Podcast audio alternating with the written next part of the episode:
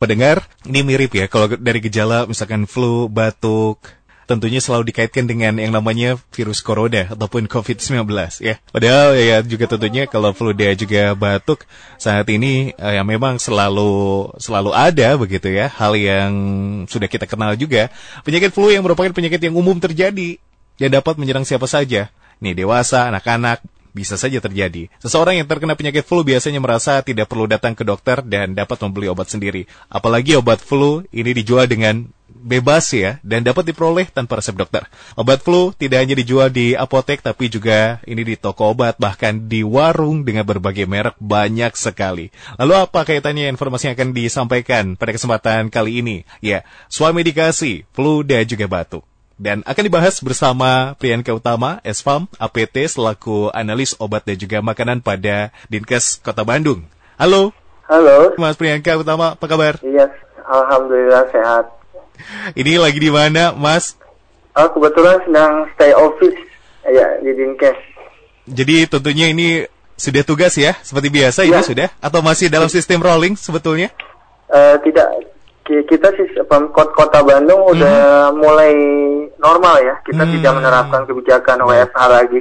Oke, jadi memang iya. semuanya yeah. ini harus ngantor begitu dengan protokol yeah. kesehatan ataupun tatanan Betul, kehidupan sekali. baru begitu. AKB sudah dilaksanakan demikian ya, Mas ya. Iya. Baik, Mas Priyanka Utama, terima kasih untuk kesempatan kali ini untuk menyampaikan waktu untuk bergabung bersama kami di Fit Radio Bandung dan membahas, menginformasikan mengenai suami dikasih, flu, dan juga batuk. Ya, walaupun memang sudah umum ya, dan bukan penyakit berat, betulnya ini di masa pandemi sekarang flu ataupun batuk yang bisa dibilang menjadi kondisi kesehatan yang kadang membuat paranoid ataupun menakutkan oleh masyarakat. Ini ya, tentunya betul. Mas Priyanka berkenan untuk diinformasikan kembali hal apa yang menjadi penyebab flu ataupun batuk ini supaya ya minimal masyarakat juga tenang ya tidak selalu dikaitkan okay, dengan okay. COVID begitu. Ya, Silakan. Oke. Okay. Ya, listener Fit Radio di mana pun berada ya.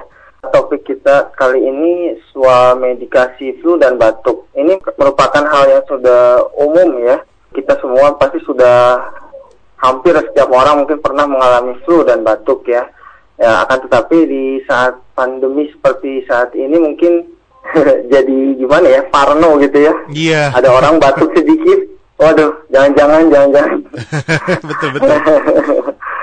ya, ini tanda kutip menakutkan di sini kita lihat mungkin dari penyebabnya ya, flu itu sendiri disebabkan oleh virus ya. Mm-hmm. Influenza virus itu banyak jenisnya, ya sehingga gejalanya bisa menyebabkan batuk ke depannya atau membuat kita menjadi bersin-bersin, sakit tenggorokan ya. Sebetulnya batuk itu sendiri, flu batuk itu sesuatu yang bisa sembuh dengan sendirinya tanpa diobatin ya dengan cara suami medikasi yang nanti akan kita bahas ini. Nah ini tentunya Mas Priyanka, hmm. kalau misalkan mengenai suami medikasi, flu dan juga obat, ini apa yang harus diinformasikan kepada masyarakat? Ya, pertama-tama mungkin kita bisa pahami ya, garis besarnya untuk terapi menghadapi flu dan batuk kita pertama-tama bisa menggunakan terapi non obat ya. Atau terapi non farmakologi apa aja itu? Ya biasanya dengan meningkatkan daya tahan tubuh kita. Yang saya sebutkan tadi bisa sembuh flu dan batuk itu dengan sendirinya. Apa itu yang bisa dilakukan? Antara lain peningkatan asupan cairan dengan banyak minum air teh sari buah ya. Istirahat yang cukup ya jangan begadang ya. Hmm. Oke, makanan bergizi ya dengan hmm. kalori dan protein tinggi. Mungkin bisa ditambahkan mandinya nanti dengan air hangat dan berkumur dengan air garam. Uh, yang harus diperhatikan juga nih misalnya untuk balita di bawah 4 tahun, mm-hmm, mm-hmm. Uh, kita biasanya bayi itu suka sulit ya mengeluarkan sekret ingus, ya maka kita bisa bantu dengan disedot menggunakan alat atau dengan irigasi hidung ya mungkin nanti bisa dilihat-lihat googling sendiri mungkin seperti apa itu ya seperti itu ya jadi itu terapi langkah awal yang bisa dilakukan yaitu pengobatan tanpa menggunakan obat. Mm -hmm. Jadi okay. uh, tentunya itu ya pemahaman dari suami yeah. ya Mas ya. Nah ini jika perlu ini masyarakat kapan untuk berkonsultasi ataupun membeli obat dalam hal ini? Nah ya oke. Okay jika terapi non obat itu sudah dirasa tidak membuahkan hasil ya dan mm-hmm. flu dan batuk itu sendiri mengganggu aktivitas sehari-hari, kita bisa mungkin lanjut dengan terapi obat. Nah, terapi obat untuk flu batuk ini sendiri banyak ya. Dia jenis obatnya ada mulai dari yang paling umum analgetik, antipiretik, golongan antitusif, Mhm, golongan mhm. ekspektoran, dekongestan, antihistamin ya. Nah, ini yang ingin saya garis bawahi Iya, iya. bahwa perlunya daripada masyarakat untuk pintar dalam memilih obat untuk flu dan batuk ini karena Mhm, mhm. biasanya obat flu dan batuk itu dalam satu obat itu sudah ada kombinasi. Jadi Baik. misalnya dia punya analgetik, terus dia punya ekspektoran dan dekongestan. Jadi Mhm, jangan sampai mhm. ada kejadian masyarakat yang awam tidak tahu mengkonsumsi obat yang tidak pada tempatnya Betul, atau tidak rasional. Iya, iya. Jadi misalnya sudah minum paracetamol tunggal, dia minum lagi di kombinasi yang mengandung paracetamol atau ibuprofen. nah itu harus digarisbawahi Ya, karena obat flu dan batuk ini bisa dijual bebas ya di apotek, toko obat, warung-warung bahkan ya. Dia logonya warna biru ya, obat bebas terbatas. Mhm, Ya, mhm. ya betul, over the counter, OTC. Jadi Iya. tentunya masyarakat dalam hal ini juga harus mengetahui Pintar minimal ya. pintar ya dalam artian Hmm. pintar ya jangan sembarangan ya Mas ya. Betul betul. Ya saya mungkin akan bahas satu persatu ya. Ini Boleh. analgesik ya. Hmm, apa itu? Salah satu yang paling umum itu analgesik itu pereda nyeri dan Mhm. juga bisa bersifat antipiretik atau menurunkan demam. Oke. Biasanya ini sediaannya paracetamol, ibuprofen dan mungkin atau acetosal ya. Nah ini karena tadi gejala flu dan batuk itu biasanya disertai demam, nah makanya di obat flu dan batuk selalu biasanya di terdapat sediaan ini, zat ini gitu ya. Ya yang kedua mungkin ada dekongestan ya. Dekongestan itu buat pereda hidung tersumbat ya. Itu biasanya pseudoephedrine, ephedrine, phenylpropanolamin ya. Ya, tapi ini perlu digarisbawahi juga hati-hati penggunaan dekongestan pada pasien pasien yang memiliki kontraindikasi dengan zat dekongestan ini antara lain mungkin hipertensi ya pasien dengan penderita hipertensi, Mhm. hipertiroid, penyakit jantung koroner dan masih banyak lagi ya. Mungkin nanti di kemasannya bisa dibaca juga ya itu yang pentingnya. Yang ketiga juga ada antihistamin ya, mengobati batuk dan Ya. pilek yang disebabkan oleh alergi ya. Mhm, mhm. Contoh sediaannya biasanya CTM atau chlorpheniramine maleat, promethazine, tripolidin dan juga diphenhydramin. Mhm, mhm. Nah, akan tetapi untuk yang antihistamin ini mungkin diperhatikan bahwa dia menyebabkan ngantuk ya. Jadi setelah minum obat yang mengandung antihistamin diperhatikan Ya, ya. untuk tidak mengemudi atau menjalankan mesin. Juga ada antitusif yang keempat, ini untuk menekan batuk, biasanya batuk kering ya. Ini contoh sedianya ada dextrometorphan, nostatine, diphenhydramin ya. Oh, satu lagi nih untuk dextrometorphan ini mungkin dulu pernah booming ya, disering disalahgunakan untuk penyalahgunaan obat karena ya itu dari sifatnya itu yang bisa menekan pusat batuk ya, mempengaruhi fisiko juga ya. Mhm. Ini yang kelima ada ekspektoran. Ini ekspektoran mengandung arti untuk meluruhkan dahak ya, untuk Mhm, mengeluarkan mhm. dahak ya, sekret. Nah ini obat ini biasanya dikombinasikan dengan minum air yang banyak ya untuk mengencerkan dahak dari saluran napas ya. Contoh senyawanya glyceryl glycolat, amonium klorida, Ya. ya, dan bromhexin. Itu di antaranya obat-obat yang digunakan untuk Mhm. mengatasi flu dan batuk. Jadi itu bahan-bahan yang selalu ada dalam kandungan obat batuk begitu ya Betul. Mas Priyanka yang juga harus kita ketahui begitu. Apakah masyarakat juga sedetail itu? Misal kalau suami medikasi kan memang ini inisiatif ya mengobati diri Iya, sendiri betul. kalau ada kondisi batuk ataupun flu. Masyarakat juga pasti tentunya harus dihimbau atau dianjurkan untuk baca bahan-bahan seperti itu ya. Ya, Mas? betul. Hmm. Jadi sebelum kita mengkonsumsi obat, kita harus smart dengan melihat label pada kemasan obat ataupun Hmm, brosur yang tergantung dalam obat. Dan Hmm. juga bisa berkonsultasi dengan membeli obat di tempat yang aman, yaitu di Betul. apotek. Bisa berkonsultasi dengan apoteker di Mhm. sana. Itu jauh lebih aman ya. Cukup aman ya. Karena sebelum memilih biasanya kan nanti ada biasanya kita ke apotek, kita memilih Ya. obat, tuh biasanya kita minimal manfaatkan untuk konsultasi langsung ke apoteker begitu. Mungkin ada Betul pilihan lain yang Mas. nanti akan dipilih oleh apoteker itu sendiri ya Mas Priyanka Iya. ya. Baik. Iya. Mas Priyanka dalam hal ini swamedikasi kan memang ini inisiatif sendiri. Lalu waktu yang paling aman, misal kalau kondisinya masih terbilang tidak ada perubahan, ini biasanya Oh, berapa iya. lama? Ya, biasanya setelah kita usaha ya dengan swamedikasi dengan penggunaan obat secara mandiri, biasanya ada kalanya gejala dari flu dan batuk itu misalnya tidak kunjung membaik ya. Mhm, Contohnya mhm. misalnya demam masih timbul setelah tiga hari pengobatan atau sakit di tenggorokannya tambah parah lebih Iya, dari iya. dua hari, batuk tidak membaik setelah 7-14 hari atau nyeri Hmm. otot dan demamnya tidak turun-turun. Nah, itu Mhm. mungkin kita bisa lanjut konsultasi dengan dokter dengan pergi Oke. ke dokter ya. Oke. Tuh. Jangan dipaksakan untuk eh, Iya, betul. melanjutkan begitu ya, Mas Priyanka. Lebih baik memang harusnya langsung ke dokter Iya. ya, periksakan diri kalau kondisinya tidak membaik dalam Betul kurun waktu yang sekali. tadi telah disampaikan. Baik, apakah untuk masyarakat kita mengenai hal swamedikasi ini sudah memahami aturannya, Mas Priyanka? Ya, yang terjadi di masyarakat terutama saya mengamati ya kadang-kadang Mhm. swamedikasi itu kita suka salah kaprah ya atau mungkin masyarakat kita masih rendah Oke. budaya membacanya itu tadi ya. Mhm. Jadi ada obat langsung konsumsi, Iya, iya, cuman dengar kata teman, kata saudara Betul, gitu betul. ya. Padahal gejala yang dialami mungkin berbeda dengan temannya, dengan saudaranya ya. Mhm, Kita mhm. contoh kalau dia batuknya berdahak, kata temannya ini saya batuk nih dikasih nih obat. Mhm. Padahal itu yang dikasihnya obat antitusif ya. Batuk kering, jadi tidak pada tempatnya ya, salah pengobatannya ya. Oke. Iya. Jadi kurang lebih seperti itu. gitu ya, orang-orang kita itu ya. Iya, jadi uh, rekomendasi atas keluarga, teman atau siapa pun begitu ya. Jadi Uh, mengikuti betul. padahal setiap individu ini biasanya gejala ataupun masalah kesehatannya berbeda-beda ya, Mas. Betul sekali. Kalaupun mau swamedikasi, berarti minimal harusnya konsultasi ke apoteker yang tentunya akan dibeli obatnya ya. Ya betul. Oke. Minimal eh, kita membeli obat di tempat-tempat yang memang Sudah aman ya. aman ya. Toko obat berizin, apotek ya. Lebih baik di apotek. Di situ ada apoteker atau tenaga teknis farmasinya yang bisa menjelaskan dan berkompeten untuk menjelaskan tentang obat. Oke. gitu. Swamedikasi ini yang diberikan obatnya logo-logo biru, hijau, Ya. yang merah ya, tidak ya?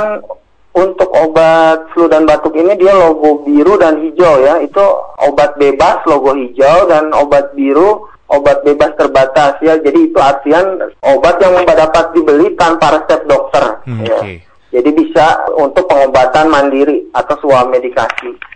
Berarti otomatis yang sesuai medikasi ini tidak akan mendapatkan obat yang khusus ya. Jadi yang Iya, berlogo betul. merah ya kalau tidak salah ya Mas Priyanka ya. Iya, Dan obat-obat keras lainnya apalagi. Ini biasanya Iya. memang tidak Ya itu diperbolehkan. tadi kalau misalnya gejala tidak kunjung membaik setelah beberapa hari pengobatan, Iya. mungkin itu harus konsultasi dengan dokter dan dia biasanya dikasih obat resep ya, obat Oke. logo merah, obat keras. Iya. Mas Priyanka, untuk inisiatif sendiri untuk mengobati selain kondisi kesehatan flu dan batuk yang dianjurkan, apalagi kondisi kesehatan yang masih diperbolehkan untuk swamedikasi? Oh ya, untuk swamedikasi tadi bisa di, dengan meningkatkan daya tahan tubuh itu ya, yang tadi saya bilang ya. Jadi Mhm. swamedikasi itu bisa dilakukan dengan memperbanyak minum air ya tadi ya, makan makanan bergizi Oke. ya, ya seperti itu. Nah, lalu kalau misalkan kita ingin berobat tapi sendiri, selain flu dan batuk, kondisi apa lagi? Sakit kepala boleh? Ya bisa tadi eh, simptom yang sering terjadi dari Ya. flu dan batuk itu biasanya ditimbulkan misalnya sakit kepala ya, Hmm. lemas atau nyeri otot. Sepaket ya, Mas? Iya paket gitu. biasanya udah flu pasti batuk. Betul, itu biasanya kondisi radang ya kalau tidak salah. Iya. ISPA saluran pernapasan atas. Jadi memang ini kebanyakan satu paket yang akhirnya tadi Betul. nantinya sakit kepala, demam, yaitu tadi flu mungkin ya dan beberapa gejala kondisi lainnya. Tapi Betul eh, Mas Priyanka dalam hal ini berarti swa medikasi ini masih dianjurkan saat ini atau lebih baik mending walaupun gejalanya masih dibilang ringan harus segera ke dokter. Ya, eh, di saat pandemi seperti ini memang swamedikasi menjadi eh, suatu yang sangat penting ya. Kita tahu kan tunda ke dokter ya. Kemarin Oke. ada slogan ya, eh, Mhm. tunda periksa ke rumah sakit atau klinik ya. Makanya dengan adanya swamedikasi dan masyarakat kita terus diberikan paparan pengertian eh, untuk pengobatan diri sendiri ini menjadi penting sehingga gejala-gejala penyakit ringan di masyarakat bisa diatasi dengan sendirinya. Jadi jangan dikit-dikit ke dokter, dikit-dikit ke puskesmas. Nah, kita tahu sekarang juga di sarana-sarana kesehatan sedang terjadi pembatasan pasien gitu ya untuk menghindari penularan COVID-19 ya. Ya, ini jadi penting sekali ya sesuatu yang penting di saat pandemi seperti ini. Baik, Mas Priyanka, terima kasih uh, tentunya himbauan kepada masyarakat karena memang tentunya tahu dalam kondisi di tengah pandemi walaupun memang sudah adaptasi kebiasaan baru dengan new normal Betul. ini juga tetap untuk meminimalisir datang ke fasilitas kesehatan kalau tidak kondisi yang serius atau gawat darurat ya, ya Mas ya, atau urgen gitu ya. Iya, iya, iya. Jadi kalau masih dirasa sehat ya swamedikasi ini menjadi salah satu langkah yang bisa tentunya dijalankan oleh warga masyarakat kalau kondisinya mulai ada yang terganggu ya, flu, batuk betul, begitu. Betul. Sudah sejauh mana juga Dinas Kesehatan dalam hal ini untuk mensosialisasi atau mengedukasi masyarakat dalam swamedikasi, Mas Priyanka? Oh iya, langkah yang dilakukan Dinas Kesehatan kita sudah buat ada gerakan namanya ya uh, pelantikan apoteker AOC ya, AOC. Agent of Change. Jadi mm -hmm. itu Dinas Kesehatan memfasilitasi uh, para apoteker di Kota Bandung itu mm -hmm, bisa dari mm -hmm. sarana pelayanan uh, pemilik pemerintah ya seperti puskesmas atau sarana swasta rumah sakit, klinik dan apotek-apotek swasta. Yeah, yeah. Mereka tergabung dalam AOC. Nah, mereka mencanangkan gerakan gemba cemat, gerakan masyarakat cerdas menggunakan obat. Hmm. Jadi ini matching ya sama suah medikasi. Jadi yeah, yeah uh, kita punya gerakan 5O itu ya. Apa saja? Dicanangkan ya. Mm -hmm. uh, sebelum pandemi kita memang aktif ya melakukan penyuluhan mm -hmm. itu mm -hmm. bisa di Car Free Day Dago ya mm -hmm. waktu itu ya sebelum pandemi atau mungkin mengundang di puskesmas melakukan penyuluhan. Nah, tapi di saat kita pandemi seperti ini mungkin kita belum melakukan lagi ya, mungkin via online ke depannya mungkin via webinar, yeah, yeah. ya jadi kita punya gerakan-gerakan masyarakat cerdas menggunakan obat, gemar cermat. Jadi masyarakat diedukasi bahwa harus pintar menggunakan obat. Ada gerakan 5O ya. Apa nama obat itu, apa khasiatnya, apa efek sampingnya, apa indikasinya, hmm. dan apa kontraindikasinya ya. Jadi masyarakat diberikan edukasi supaya pintar dalam memilih obat ya. Jadi masyarakat pintar dalam memilih obat. Yang ditekankan iya. dalam kalimat itu apa, Mas Priyanka? Masih banyak masyarakat yang sembarangan. Iya betul. Ya itu saya tadi. Jadi masyarakat Indonesia itu gimana ya? Mm-hmm. Selalu latah gitu ya kalau okay. obat. Jadi kalau dapat kabar dari orang, ah langsung tanpa dicerna, tanpa ditelaah langsung mm-hmm. digunakan. Mm-hmm. Seperti kemarin obat-obat apa ya, COVID juga kan kemarin sempat merebak ya mm-hmm. bahwa kloroquine bisa menyembuhkan COVID langsung masyarakat kita berbondong-bondong hmm. ingin memesan atau membeli kloroquine. Baik, baik. Padahal baik. belum tahu ya khasiatnya gimana efek sampingnya. Hmm, jadi memang PR begitu ya untuk ya, PR kita mengedukasi kita. masyarakat supaya lebih paham dan tidak sembarangan ya. Jadi memang kalau sudah teredukasi secara keseluruhan ini nampaknya akan akan baik-baik saja ya dalam artian ini juga masyarakat akan aman begitu karena obat yang dipilih pun sesuai dengan kebutuhan ya Mas? Iya betul sekali. Baik. Pintar menggunakan obat. Pintar menggunakan obat itu poin penting. Pendengar yang juga telah disampaikan oleh Mas Priyanka pada kesempatan kali ini bahwa memang sekali lagi bagi kesehatan Anda yang sedang terganggu saat ini sedang tidak enak badan, ya berusaha untuk suah medikasi dilakukan saja untuk meminimalisir datang dulu ke fasilitas kesehatan. Kalau dirasa kondisinya masih barulah datang ke dokter. Tapi kalau sembuh ya sudah, sudah begitu ya. Iya. Kalau sembuh mah gak usah gimana gimana. Oke, Mas Priyanka kita ke interaksi dari pendengar ya. Ini sudah ada yang bertanya melalui WhatsApp di 0811210298. Ada Ibu Dini di ujung berung. Apakah sakit menelan itu sudah pasti akan flu? Apakah aman mengkonsumsi FG Trosis tanpa resep? Ini benar tidak ya saya menyebutnya? Mudah-mudahan ya. Mas Priyanka paham. Gimana, ya, Mas? Silakan. Itu uh, sebetulnya sakit tenggorokan itu mungkin respon tubuh ya ada sesuatu infeksi atau mm -hmm. benda ya asing ya seperti virus yang masuk ke tubuh makanya dia batuk atau sakit tenggorokan ya. Biasanya sih kalau imun kita bagus ya, kalau sakit tenggorokan itu tidak selalu harus flu gitu ya. Jadi bisa sembuh dengan sendirinya.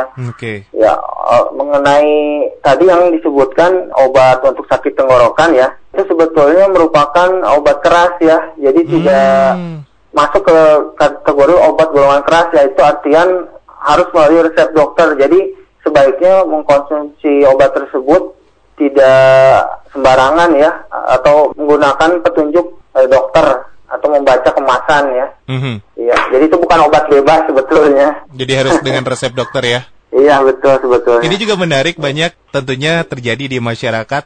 Misal begitu ya Mas Priyanka, beberapa waktu lalu pernah berkonsultasi ke dokter diberikan resep dengan kondisi yang sama, itu terjadi lagi beberapa bulan ke depan dan obatnya masih ada. Beli obat yang dulu pernah diresepin dokter.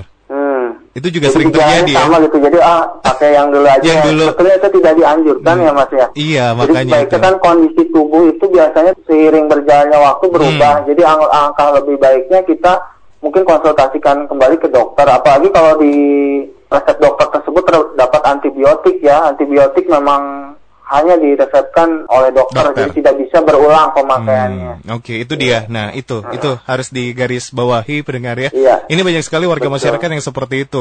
Obat yang dulu sudah habis, ketika kondisinya terjadi lagi dan sama seperti beberapa bulan yang lalu itu dibeli Iya, lagi dengan membawa obat tersebut ke apotek.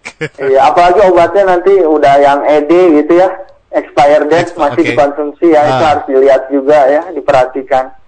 Hmm. Mas Priyanka, batas wajar sebelum mendekati expire, ini berapa hari, berapa bulan atau berapa jam? Sebetulnya itu eh, yang tercantum dalam kemasan itu misalnya katakanlah obat itu expire bulan Januari 2021. Mhm, Sebetulnya itu masih aman ya dikonsumsi sampai bulan Januari 2021. Hanya mungkin seiring mendekati waktu expire itu daya efektif obat tersebut menurun ya karena Hmm. kandungannya mengalami penurunan potensi gitu ya. Baik. Khasiat gitu. Jangan dipaksakan ya kalau yang dekat-dekat berarti ya, Mas Priyanka ya Iya, lebih baik. mendingan dibuang sesuai prosedur pembuangan obat ya. Contohnya misalnya dirusak dulu kemasannya atau diencerkan dengan air dan buangnya juga nggak sembarangan ke saluran pembuangan air yang aman. Ya, karena ditakutkan uh, adanya oknum ya yang Betul, disalahgunakan. salah gunakan banyak sekali soalnya kalau di Indonesia uh, mengenai obat Iya. itu. Baik, Mas Priyanka satu lagi ada Mbak Rani di Cigadung. Dok, apakah benar minum atau makan es krim saat batuk kering ini bisa mencegah batuk jadi lebih parah? Sebetulnya tidak belum ada penelitian khusus ya, itu mungkin eh, apa ya semacam opini yang berkembang di masyarakat ya. Hanya saja perlu digarisbawahi selama batuk itu atau flu itu hindari memakan makanan yang memang dingin ya. Tadi dianjurkan di terapi non obat itu malah kita harus banyak minum air hangat ya, eh, untuk meredakan dari si gejala batuk flu tersebut ya. Jadi memang tidak ada bukti bahwa makan es krim bisa mencegah batuk kering ya. Itu dia tentunya Mas Priyanka ya sudah menanggapi pertanyaan dari Mbak Rani di Cigadung. Opini-opini juga sering kali tentunya mempengaruhi bagaimana kebiasaan kita kultur begitu ya dalam mengobati Betul. kesehatan karena khusus di Indonesia sendiri ini banyak sekali ya opini-opini atau lebih ke mitos begitu ya. Mitos. Priyanka. Oke, terima kasih Mas Priyanka sudah Iya, iya, menanggapi sama-sama. interaksi dari pendengar yang sudah bertanya melalui WhatsApp dan tentunya selanjutnya berkenan untuk penutup begitu ya untuk memberikan ucapan dukungan kepada tenaga kesehatan masyarakat kepada pasien yang terpapar COVID-19 sekaligus menyampaikan closing statement juga. Mangga Mas Priyanka. Saya Priyanka Utama, eh, apoteker di Dinas Kesehatan Kota Bandung, ingin memberikan support dan apresiasi yang setinggi-tingginya untuk para tenaga kesehatan di garda terdepan, terutama kami di Dinas Kesehatan, para petugas kesehatan maksudnya di Puskesmas, bahwa terima kasih atas dedikasinya dalam melayani masyarakat di tengah pandemi ini. Mudah-mudahan kita selalu diberikan kesehatan ya dan wabah atau pandemi ini bisa cepat berlalu untuk masyarakat mohon bisa bersikap tertib di menyambut era new normal ini patuhi protokol kesehatan yang ditetapkan oleh pemerintah dan tetap semangat buat semua masyarakat dan juga pendengar Fit Radio ya. Stay fit stay health jangan takut dengan pandemi dan smart menggunakan obat Mas Priyanka Utama, terima kasih untuk kesempatan hari ini Iya, telah meluangkan waktu untuk bergabung bersama kami. Insya Allah apa yang disampaikan juga bermanfaat untuk kita semua. Mudah-mudahan di lain kesempatan kita Amin. bisa bergabung dan memberikan informasi lainnya. Mas Priyanka, selamat beraktivitas, selalu jaga kesehatan ya, dan salam kepada sama-sama. rekan-rekan di Dinas. Kesehatan. Demikianlah Priyanka Utama SFAM APT selaku analis obat dan juga makanan pada Dinkes Kota Bandung yang telah memberikan informasi untuk Anda mengenai suami medikasi, flu dan juga batuk.